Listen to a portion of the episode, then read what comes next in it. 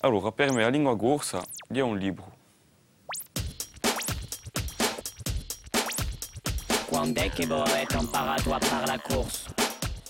Infatti io ho imparato a parlare corso in casa con mia famiglia, non solo di parlare francese, di nuovo con gli amici dei miei parenti, con i più anziani e continuerò sempre al quotidiano a imparare di nuovo.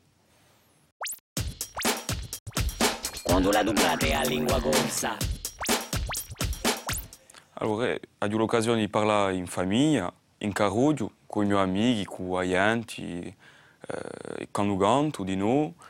Eh, quando ne ho l'occasione di fare scuola di infermiero e per un mio mestiere, di lavorare con i più anziani e tutto, mi, mi posso parlare di, di più.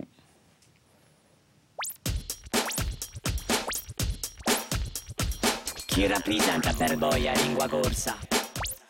Per me la lingua corsa è una maniera di portare ciò che mi hanno legato l'antichi, ciò che mi hanno imparato da mia famiglia, i miei parenti, è di nuovo una maniera di servire, di, di ammettere di un popolo e di poter trasmettere a ogni generazione come sapere. Come dite la bene di la lingua corsa?